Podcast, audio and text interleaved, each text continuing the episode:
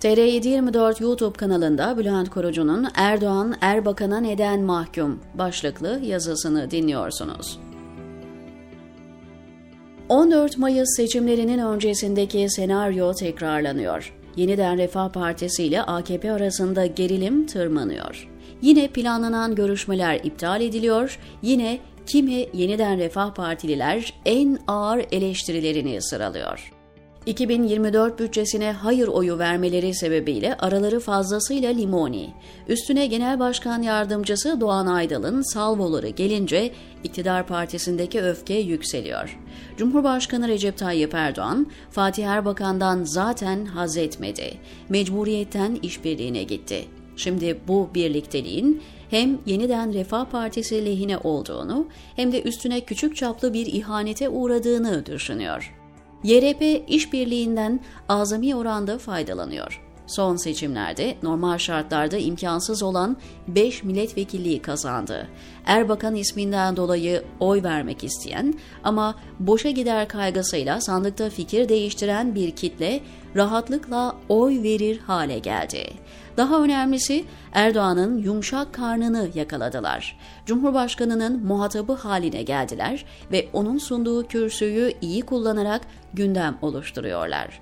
Oy nispeti açısından koalisyona pozitif katkıları az. Ancak negatif etki potansiyeli AKP'yi ürkütüyor. Yani kazandırma ihtimali zayıf, buna karşılık kaybettirme imkanı yüksek bir aktör haline geldi Erbakan. Ekrem İmamoğlu'nun iptal edilen ilk seçimi 13 bin oy farkla kazandığı düşünülürse YRP'nin pazarlık gücü anlaşılır. Oy vermemenin yanında AKP kitlesinde tereddüte hatta fikir değişikliğine yol açacak yıpratıcı bir söylem tutturabilirler. İktidar partisinin seçmen kitlesine ulaşabilecek imkanlara sahipler. Aynı ortamları paylaşmanın ötesinde aynı dili konuşuyorlar. Her ne kadar Suat Kılıç kendi görüşleri partimizi bağlamaz dese de Doğan Aydal'ın Murat Kurum'a ve aday belirleme sürecine dair eleştirileri ses getirdi.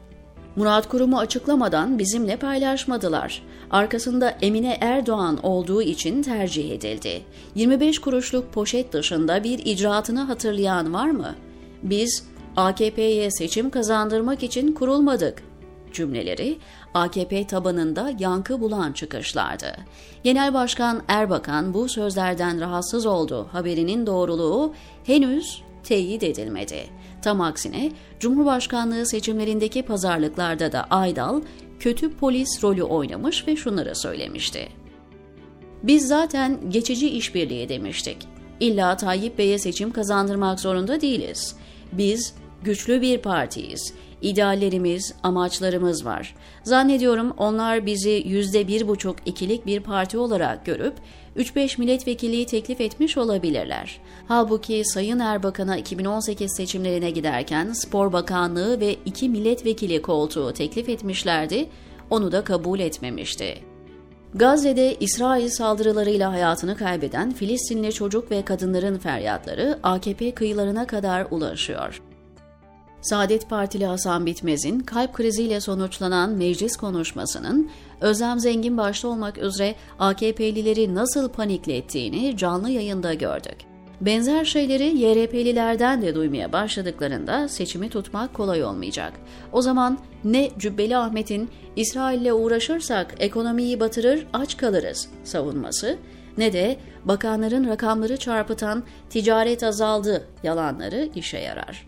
14 Mayıs'tan önce zor gelse de Fatih Erbakan'ı sarayda ağırlayıp istediklerini vermek zorunda kalan Erdoğan'ın fazla seçeneği yok.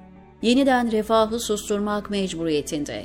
Sus payı olarak neleri verecekler artık ona bakmak gerekiyor, diyor Bülent Korucu TR724'deki köşesinde.